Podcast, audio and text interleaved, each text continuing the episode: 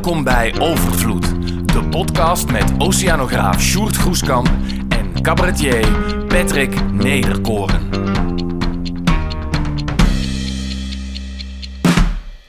We gaan beginnen met, uh, met de podcast. Um, uh, Sjoerd en ik hebben net de voorstelling uh, Overvloed gespeeld hier in de Kom in Nieuwegein. Dat is altijd echt een heerlijke plek om te spelen. En we zijn extra blij omdat vandaag Marielle Veenstra te gast is bij ons. Marielle, uh, jij noemt jezelf energiefeminist. En ja, en ja. We, wij dachten, we, misschien moeten we je introduceren aan de hand van de drie dingen die je, die je doet. Je hebt één baan bij de TU Delft. En daar is jouw functienaam. je bent researcher Gendered and Inclusive Research and Innovation.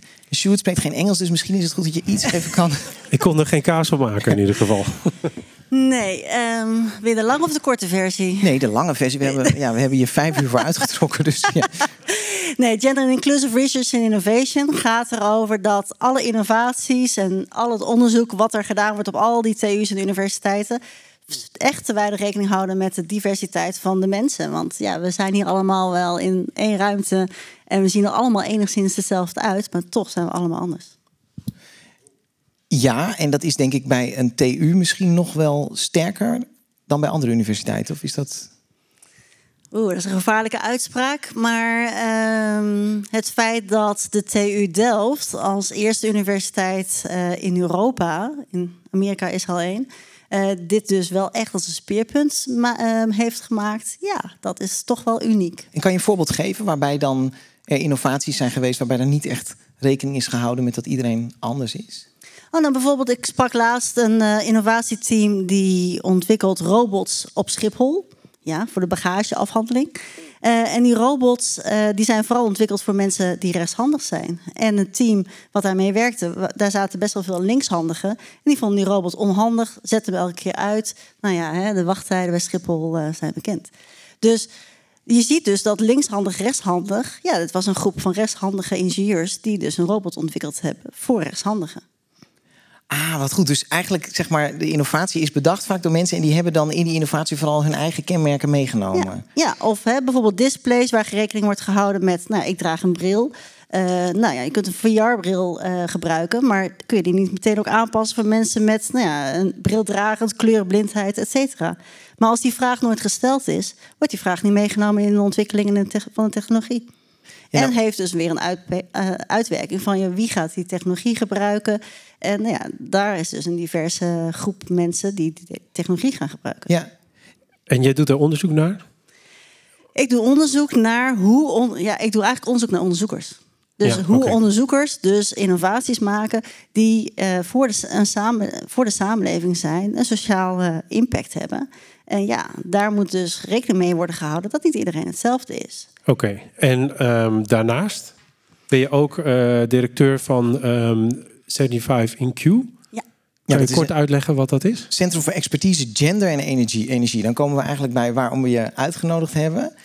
Ja, nee, klopt. Ik ben, um, ik ben dus gepromoveerd, ik ben gepromoveerd op gender en uh, energietransitie. Ik heb dus niet mijn hele leven in de wetenschap gezeten. Ik heb ook jarenlang voor gemeentes gewerkt. Uh, maar ben toen teruggegaan naar de wetenschap. En uh, 75 Inc. is uh, SDG 7, schone, ja, schone energie. En SDG 5, gendergelijkheid in, in samenwerking. En SDG even voor oh, de. Sustainable Development Goals. Dus dat zijn de 17 doelen van de, van de Verenigde Naties... die we met elkaar hebben afgesproken om de wereld in 2030 enigszins leefbaar te maken. En daar, uh, daar raak jij twee van aan met waar je mee bezig bent. Ja, eh, omdat die 17 uh, doelen, die, zijn, ja, die moeten elkaar versterken. En je kunt dus niet er één uithalen.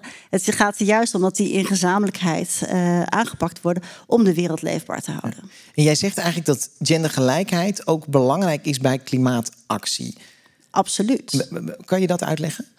Kijk, ja, zoals hè, jij ook al aangaf, Sjoerd, het is de mens die zorgt voor nou, de versterking en de klimaatverandering. En dus de oplossing ligt ook bij mensen. Maar de impact ligt ook bij mensen. En mensen, ja, daar zit, ja, nogmaals, we zijn niet allemaal hetzelfde. En uh, de, de, de impact wordt dusdanig hard gevoeld door mensen die bijvoorbeeld nou, weinig geld te besteden hebben, die ouder zijn, die uh, gehandicapt zijn, die uh, in, het, uh, nou in, in het mondiale zuiden, in, hè, in Afrika of in Azië wonen. Oftewel, de, de impact, de menselijke impact op klimaatverandering is gigantisch. En dan heb je het over bij wie het terugslaat. Is het ook zo dat er een ongelijkheid zit in gender bij de veroorzakers? Oh, absoluut. Want hè, we, nou, we gaven ze net ook al, gaven jullie ook aan van ja, wie veroorzaken nou de meeste CO2-uitstoot? Ja, dat is toch wel hè, de, de, de grote groep uh, rijke mensen in, ja, in het Westen. En daarvan, als je kijkt naar de super-users, de grote, hè, de grote multinationals, de mensen die veel geld verdienen en dus ook heel veel uitstoten Daarvan is slechts 4% vrouw. Dus ja, daar zit toch ook wel een groot verschil in, uh, in, in, in ja, de, de, de veroorzakers van het klimaat. Ook daar zie je de genderongelijkheid uh, helaas in terug. Ja. En, en zo ben je bijvoorbeeld naar een klimaattop gegaan. Uh, van de VN ook. Een, een soort, net als een klimaat, sorry, een klimaattop. Je bent naar een gendertop gegaan. Die vergelijkbaar is met een klimaattop. Maar dan over gender in de wereld. Toch? Dus je wil eigenlijk uh, meer gendergelijkheid creëren. En indirect, uh, en daar gaan we dan uh, nu misschien ook even over praten, kan je daar ook een deel van het klimaatprobleem mee oplossen. Ja, kijk, de, de, het, de, de Vrouwenconventie van de Verenigde Naties is, noem ik wel eens, de meest geheime geheime conventie van de wereld. Omdat komt niet in het nieuws. Het staat niks in de krant. Maar toch elk jaar in, in New York komen meer dan 10.000 vrouwen over de hele wereld bij elkaar om te praten over de status van de vrouw in de wereld. En uh, dat is een proces wat al, dit was de uh, eh, 68ste editie, komt eraan. Uh, dus dat, ja, dat speelt al jaren. En elk jaar wordt er gekeken van ja, wat, wat is de stand van de wereld als het gaat om de vrouwenbeweging en genderongelijkheid.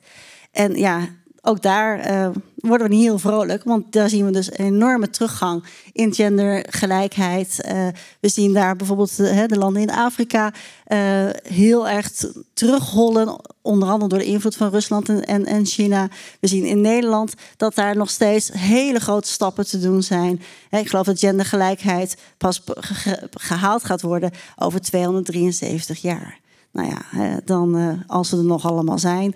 Hè, uh, nou ja, wordt dan is het water ook 15 meter hoger. Dus. Uh, ja, daarom draag ik ook hakken. Want, hè, ja, goed. Dus, dus oftewel, ja, het is. Um, nou ja, zo, zo en, en dat, daar raken we dus elkaars netwerk en elkaars wereld.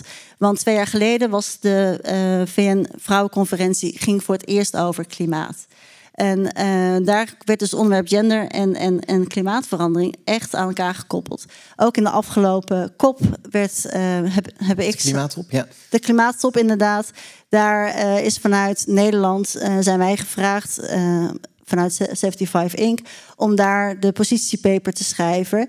Om te kijken, ja, hoe zit dat nou met die gender- en klimaatverhouding in Nederland, in Europa en in de wereld? En waar, op welk, aan welke knoppen kunnen wij gaan draaien om ervoor te zorgen dat, ja, dat, dat ook in zo'n klimaatverandering, die genderongelijkheid of de sociale ongelijkheid, als we het wat breder trekken, niet alleen niet groter gaat worden. En, en zullen we in Nederland even beginnen met een heel concreet voorbeeld? Afgelopen jaar uh, was er energiecompensatie, energieprijzen waren hoog. Uh, en jij zegt, uit onderzoek blijkt dat vrouwen eigenlijk veel meer last hadden van die hoge energieprijzen dan mannen. En toch komt er dan een, een, eh, zeg maar een maatregel, een compensatiemaatregel bij die voor iedereen geldt. Waarom is het zo dat vrouwen meer te lijden hadden onder die hoge energieprijzen? Dus een combinatie van dingen. Dus uh, energiearmoede, want daar hebben we het uiteindelijk uh, bijvoorbeeld onder uh, over, is treft vrouwen meer. Dat heeft te maken met de inkomensongelijkheid tussen mannen en vrouwen. Nou ja, gisteren, of was het nou gisteren of vandaag, maar was in, in IJsland de grote staking om aan, te, aan te kaarten van hey, waar zit het inkomensverschil tussen mannen en vrouwen. Dus hè, vrouwen verdienen minder dan mannen.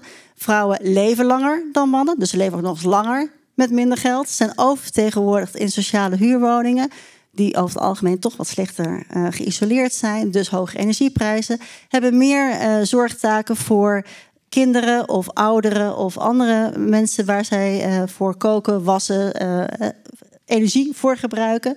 Uh, dus al die elementen bij elkaar zorgt ervoor dat uh, vrouwen ja, meer energiebehoeftes hebben om aan die zorgtaken en überhaupt aan, die, ja, aan hun voorzieningen te kunnen voldoen. Gecombineerd met weinig inkomen, gecombineerd met uh, ja, hogere energieprijzen. Dus ja, wie zit er in de knel? Vooral de vrouwen. Dus, dus ze hebben een zwakkere positie in de samenleving eigenlijk, waardoor ze uh, als eerste de, de gevolgen van klimaatverandering voelen. Um, maar um, dat is dus de constatering en, dat op zich is al heel erg. Um, de volgende stap is dus, uh, hoe, hoe komen ze daaruit? En wat ik ook begreep waar je dan mee bezig bent is niet alleen uh, hoe, hoe kun je ze eruit helpen, maar dus ook nog eens een keer hoe helpt dat de klimaattransitie vooruit? Maar Daar ben ik heel de eerste stap, naar. want wat zou je dan kunnen doen als je zo'n gelijke compensatie hebt? Wat zou je dan kunnen doen om juist, als we weten dat die groep zwaarder getroffen wordt, om die, moet je die dan meer compenseren? Of wat, wat zou een oplossing kunnen zijn voor zo'n concrete zaken als in Nederland. Ja, ik snap ook dat dat glad ijs is, maar ik ja, probeer dat is, te zoeken. Dat is in zoverre glad ijs, omdat hè, eh, ik ben van oudsher bestuurs, of ja, ik ben bestuurskundige. Dus ja, hè, ik ben een gamma. Als het hè, als we praten over alwa's en wet, ben ik echt een gamma. Ik, ben, ik kan met iedereen tien minuten meepraten, zeg ik altijd. Nou ja, als bestuurskundige kijken we vooral van ja, welke bestuursinterventies zijn er. Nou, en die klimaat of die energietoeslag was dus echt een soort one size fits all. Iedereen krijgt gewoon hetzelfde, geen gezeur. Maar dat, zo werkt het natuurlijk dus niet. Dus je zou eigenlijk, ja, nou, ik ga niet nog een keer een toeslag in het leven roepen. Maar dat zou je veel meer uh, kunnen baseren op, op inkomens. als je kijkt naar uh, 120% van het minimumloon, welke huishoudens zitten daaronder en waar zitten dan, hoe zit die genderverhouding? Ja, alleenstaande moeders met kinderen zitten echt oververtegenwoordigd in die categorie huishoudens onder de 120% ja. uh, minimumloon. Dus ja, de Belastingdienst weet precies hoe die huishoudensamenstelling is, weet precies wat het inkomen is. Ja, daar zou een rechtstreekse compensatie mogelijk zijn. En, en zijn er, uh, want je hebt dus onderzoek gedaan wereldwijd, zijn er voorbeelden van dit soort ingrepen waarin je denkt, ja, hier wordt specifiek de groep waar wij ons zorgen over maken, blijkt uit onderzoek, die worden, die worden tegemoet gekomen? Zijn er good practices, zeg maar? Ja, er zijn een good practices. Kijk, wat je dus ziet, dat de overheid uh, altijd uh, zich heel erg richt op subsidies en belastingvoordelen, et cetera. De good practice zit hem daarin dat uh, de, je vaak uh, bijvoorbeeld een voorbeeld ziet dat je, ja, als jij maar investeert in energie-efficiëntie, in, in nieuwe zonnepanelen, dan krijg je toeslagen en dan krijg je belastingvoordeel terug. Hè? En als je dat een beetje slim rekent, nou, dan, dan heb je in een, zit je straks op een, een, een, een, nou ja, een, een, een energie-neutraal huis en heb je ook geen energiekosten meer. Maar ja, dat houdt dus geen rekening met dus inderdaad de inkomensongelijkheid. Een voorbeeld bijvoorbeeld in uh, Bulgarije uh, is dat ze daar hebben gekeken van nou, bijvoorbeeld zwangere vrouwen hebben zorgverlof, hebben een bevallingsverlof. Als, die, uh, tijdens, als zij een zwangerschapsverlof hebben in de winter, krijgen ze een extra energiecompensatie. Wow, Omdat ze toch weten van ja, je bent thuis, je hebt een, uh, een, een, nou ja, een klein kind om te verzorgen. Je zult een andere energiebehoefte hebben dan dat jij eh, de hele dag op kantoor zit. En zou het ook veranderen? Jij zei net 4% van de grootste uitstoters, uh, of hè, van, de, van de directeuren van grote bedrijven zijn vrouwen. Ik denk niet dat je per se hoopt dat er heel veel meer vrouwelijke grote uitstoters bij komen. Maar ik bedoel meer, als er meer vrouwen op beslisposities zitten, zou dan het beleid ook veranderen? Dat is altijd een lastig. Uh, ja, uh, ja en nee. Hè. Ik noem altijd als als we een vrouwelijke minister-president hebben of een vrouwelijke CEO, hoeft dat niet per se te veranderen. Kijk maar naar Margaret Thatcher. Dat was nou hè, iemand met een heel sterk energiebeleid, maar niet echt een klimaatvriendelijk energiebeleid. Dus hè, de, de, een vrouw alleen zal het niet gaan redden. Maar het gaat wel om het feit dat bijvoorbeeld in Nederland hè, hebben we maar 15% van de mensen die werken in de energiesector zijn vrouw. 15 procent. En als je kijkt naar de beslis, hè, wie zit er in de, in de, bestuurskamers, is dat 4 procent. Nou, wie is de energieconsument? Dat is 50% is vrouw. Wie zit er in energiearmoede? Ongeveer 70% is vrouw in Nederland.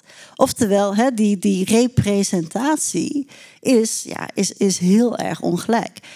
Wat we weten uit onderzoek is dat diversiteit in teams andere besluiten maken dus eh, dat gaat niet alleen over gender, dat gaat ook over leeftijd, dat gaat over disciplinaire achtergrond, wat voor opleiding je hebt gehad, et cetera. Dus diversere teams maken andere besluiten. En je zei in het begin ook die rechtshandige eh, mensen die dan een innovatie doen, die maken hem op die rechterhand bijvoorbeeld. Dus dat, daarin kan je ook een verschil. En dan kom je bij volgens mij uit waar jij naartoe wilde, Sjoerd. Als je dat gelijker trekt, als, als dat beleid beter wordt, wat, wat kan dat dan voor impact hebben als het gaat om klimaatverandering? Nou, bijvoorbeeld. Ehm, kijk, waar ik vooral onderzoek naar doe, is wat is het effect van de klimaatverandering op de samenleving? En die is dramatisch. We zien dus dat klimaatverandering echt de sociale ongelijkheid alleen nog maar vergroot. Bijvoorbeeld, we weten in, in uh, onderzoek uit, uit Bangladesh bijvoorbeeld dat daar veel meer overstromingen plaatsvinden. En dat als die overstromingen bijvoorbeeld een school uh, vernietigen en wegspoelen, dat voordat die school weer opgebouwd is, de jongens wel terugkomen, maar de meisjes niet. Dat is niet alleen in Bangladesh zo, maar de, hè, de, de, de klimaat, drop-outs, ja, daar zien we dat steeds meer meisjes echt niet meer terugkomen op school. Uh, we zien dus dat bijvoorbeeld de klimaatvluchtelingen, dat, is, zijn echt miljoenen die wereldwijd klimaatvluchtelingen zijn, weggaan uit hun gebied omdat het te droog is of te over, overstroomd wordt, et cetera. Daarvan weten we dat veel vaak de mannen weggaan om een beter bestaan, zekerheid uit uh, te vinden in, in nou ja, een, de stad of klimaatveiliger gebieden. De vrouwen en kinderen blijven achter in een gebied wat verwoest is, waar een infrastructuur verwoest is of waar landbouw amper mogelijk is. Dus die effecten zijn uh, voor, voor, vooral voor vrouwen en voor de kwetsbare groepen in de samenleving gigantisch. Dus als je kijkt van ja, waar zitten dan die als er nou meer, ja, als er meer vrouwen, als de stemmen van die vrouwen, maar niet alleen van vrouwen, maar ook voor de, ja, de klimaatkwetsbare mensen meer gehoord zouden worden, zouden er hopelijk toch andere keuzes gemaakt worden. Er zal bijvoorbeeld gekeken worden van, ja, moeten we misschien niet, uh, moeten die gebieden niet eerder aan gaan pakken, zorgen dat die klimaatverandering minder desastreuze effecten hebben, dat de infrastructuur sneller wordt hergebouwd, maar ook dat er echt cruciale keuzes worden gemaakt in, in, in bijvoorbeeld de fossiele industrie, uh, ja, uh, toch, toch harder, nog harder aanpakken. Als je kijkt naar de klimaatbeweging, daar zie je toch uh, heel veel meer vrouwen in vertegenwoordigd dan, dan mannen. Veel meer jongeren ook vertegenwoordigd dan ouderen. Uh, maar ja, draaien die ook echt aan de knoppen? Nee. En dat, dat zit hem vooral dus in de gevolgen daarvan. Is het ook nog zo als, ja, als iedereen een betere positie heeft, als er meer gelijkheid is, is dus ook iedereen meer in staat om misschien wel milieuvriendelijker te leven? Of, of kan ik dat zo zeggen? Of... Nou ja, het gaat ook om informatie. En welke toegang heb jij tot informatie? En, en als je dan bijvoorbeeld kijkt naar geletterdheid en wie zit er op scholen, wie gaat naar universiteiten, wie is er geïnformeerd, ja, dan valt het in Nederland mee. We zien zelfs daar een, een verschuiving ontstaan. Er studeren meer meiden af op dit moment dan jongens. Nou, dat is een hè, interessant, interessante kanteling. Maar dat is uniek wat dat betreft. In de wereld en heel veel andere landen is dat niet zo. Dus ja, hoe raak je geïnformeerd? De informatie bepaalt ook de keuzes die je maakt.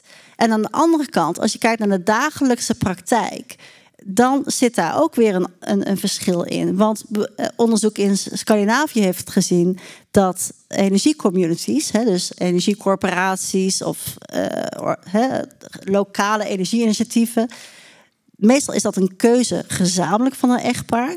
Maar het zijn de vrouwen die de aanpassingen maken in het dagelijks gedrag. Dus zijn ze bijvoorbeeld lid van een energiecorporatie met zonnepanelen. Is het mooie zonnepanelen weer, schijnt de zon, dan zetten ze de wasmachine aan. Dus zij maken de lange termijn uh, uh, ja, keuze en, en, en, en gedragsveranderingen. En dat is een, een, een, uh, ja, het, het echt kijken naar wat kunnen wij als consument doen in de energietransitie. Ja, daar, daar zijn we in deze energietransitie gigantisch aan, voorbij aan het gegaan. Dus hij wordt zo technologisch en technocratisch ingezet. Hè? Uh, ja, ik ben opgeleid. Ik heb mijn, mijn, mijn promotie gedaan in Twente, Universiteit Twente. Ik werk nu aan, aan TU Delft. Ja, ingenieurs, hè? Die, die, die, die geloven, hè? weer schaffen dat. Dat kunnen we, die technologische energietransitie. Uh, maar dat is het niet alleen. Het gaat ook over die menselijke transitie. En als je bijvoorbeeld kijkt naar de jaren 50 en 60, werd dat heel anders aangepakt. Ja? Ja, absoluut. Want toen moest iedereen aan het gas, hè, want we hadden de gasbel ontdekt in Groningen. Nou, hè, moesten allemaal uh, aan het gas. Daar werden dus dit soort theaterzalen gebruikt door Philips onder andere om het gasfornuis uit te leggen. En werden alle huisvrouwen en alle vrouwenorganisaties zaten in de zaal. En de mannen werden in een zijzaaltje uitgelegd hoe ze dat konden financieren, welke spaarprogramma's er waren. Landelijk beleid. De libelles, de margrites stonden vol met recepten over hoe moet je op een gasfornuis koken. Hoe gebruiken we gas? Wat stel je nu voor dat we in dat we meer libellen lezen, meer libellen lezen. Nee, dat, ja, ja, nee, daar meer inzetten over hoe vrouwen beter uh, nee, maar goed, de, de transitie kunnen helpen? Of? Absoluut, want het begint in die huishoudens. De energietransitie los van die technologische transitie van fossiel naar renewables, gaat ook echt, het gaat achter de voordeur. Het gaat over wat doen wij als consumenten. En als je dan kijkt bijvoorbeeld in, in nou ja, hoe koken wij, hoe, hoe maken wij gebruik van onze energiesoorten, welke, welke keuzes maken we daarin. Ja, er wordt heel technologisch ingestoken. Dus we krijgen eh, slimme meters met allemaal specs. En dat vinden de mannen fantastisch. Hè? Die hebben al hun telefoon kunnen precies kijken. Oh, ik heb weer zoveel gebruikt vandaag. ja, maar dat zegt dus niks over. Hè, als je dat op een andere manier insteekt, dan, dan, dan ja, ja, je sluit de helft van de bevolking ongeveer uit. Ik heb zo'n behoefte aan een vraag van een beta-man nu. Ja, ja, ja, ja, ik denk alleen maar, je wilt toch ook de vrouwen juist eh, uit het huishouden halen? Nee, uh, een, van de, een van de dingen die heel erg helpt tegen klimaatverandering is uh, jonge vrouwen opleiden in derde wereldlanden. Uh, omdat, ja, ik weet niet exact waarom, hoe het, hoe het mechanisme precies zit, maar het heeft onder andere te maken met informatievoorziening, minder kinderen krijgen, beter opgeleid zijn en dat soort dingen. waardoor ze uiteindelijk, ze of die families, in, in totaal minder energie gebruiken. Ja, fix de vrouw, zou ik zeggen. Ja. Nou, of help. Help, ja, help de vrouw. En, en nou ja, goed, dat ja, het is ja. Het is ja, ja. Ik ben altijd slecht in kiezen, daarom uh, heb ik zo'n generalistische studie gedaan. Uh, want het is en-en. En, um, en wat, je, wat, ik, wat ik gewoon op dit moment merk in de Nederlandse discussie bijvoorbeeld. Ja, nou we hebben we ook meer vrouwen nodig in, uh, in STEM. Hè? Dus science, technology, engineering en mathematics. Ja, dan word ik een beetje pessimistisch, terwijl ik een heel optimistisch mens ben. Maar we hebben al dit. Ik, ik heb nog de campagne meegemaakt, een, slimme meisjes op de toekomst voorbereid. Hè. Meiden studeren techniek. En hè, dat hebben we 30 jaar, 40 jaar lang van die campagnes. En wat zien we terug in de cijfers? Echt strakke lijnen, rond de 20 procent studeert uh, van, van de meiden, kies een technische opleiding. Op de MBO's is het ongeveer 11 procent. Daar gaat niet zoveel aan veranderen. Wat wel gaat veranderen en waar ik hoopvol ben, is dat in bijvoorbeeld aan de energietransitie, de klimaatverandering, zien we steeds meer dat er andere disciplines noodzakelijk zijn. Dat er andere manieren nodig zijn om dit verhaal te vertellen. Jij kiest ook ervoor om met een cabaretier het, de theaters in te gaan. Wat fantastisch is. Ik had ook liever een vrouwelijke cabaretier gehad. Ja, dat vind ik ook. Hè. Dus ik ben hier voor de genderbalans. Uh, check, check. Hè. De een derde is gelukt. Uh, ik zal nog een paar namen doorgeven. Nee, maar eh, maar, nou ja, dat, maar dat, is, dat, is, dat, dat soort mensen en dat soort veranderingen hebben we gewoon heel erg nodig. Dus we moeten inderdaad, wat jullie aangaven in je, in je show ook, elkaar de hand geven. Dus dat betekent in de energietransitie bijvoorbeeld dat we ook echt moeten. We hebben andere mensen nodig. We hebben gedragswetenschappers nodig. We hebben economen nodig. We hebben juristen nodig. Allemaal hè, de warmtewet alleen al. Daar kun je op kunnen honderd mensen promoveren, geloof ik. Dus je hebt hele andere disciplines nodig. Dus ja, ik ben geen ingenieur. Ik vind ook trouwens dat we ingenieurs moeten afschaffen. Weg met die titel. Maar goed, dat is een andere show.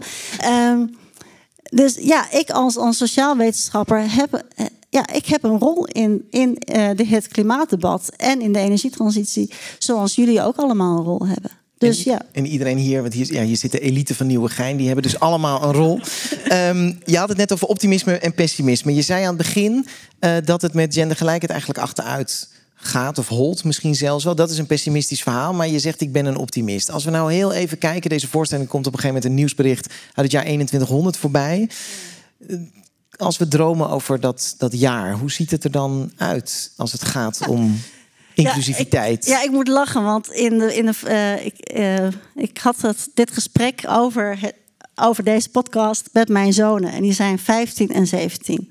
Nou, dat, hè, dus die gaan om thee rekenen. Zeggen, ja, mam, je bent hartstikke dood. Ik zeg, ja, ik ben hartstikke dood.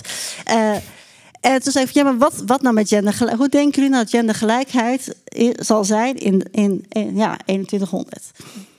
Dat is een verboden woord. Het wordt illegaal om het woord gender te gebruiken. Ik vond dat een fascinerende gedachte. Ja, ze zei, nee, er is geen gender meer.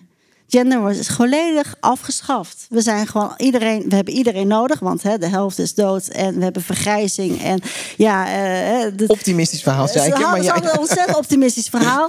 Nee, maar goed, dus de, en zei, ja, gender staat in de geschiedenisboekjes. Ik zei van, nou, dat zou nou een optimistisch mooi verhaal zijn. Hè, dat we dat dat ja, gendergelijkheid dan inderdaad ja, dat is gewoon een given.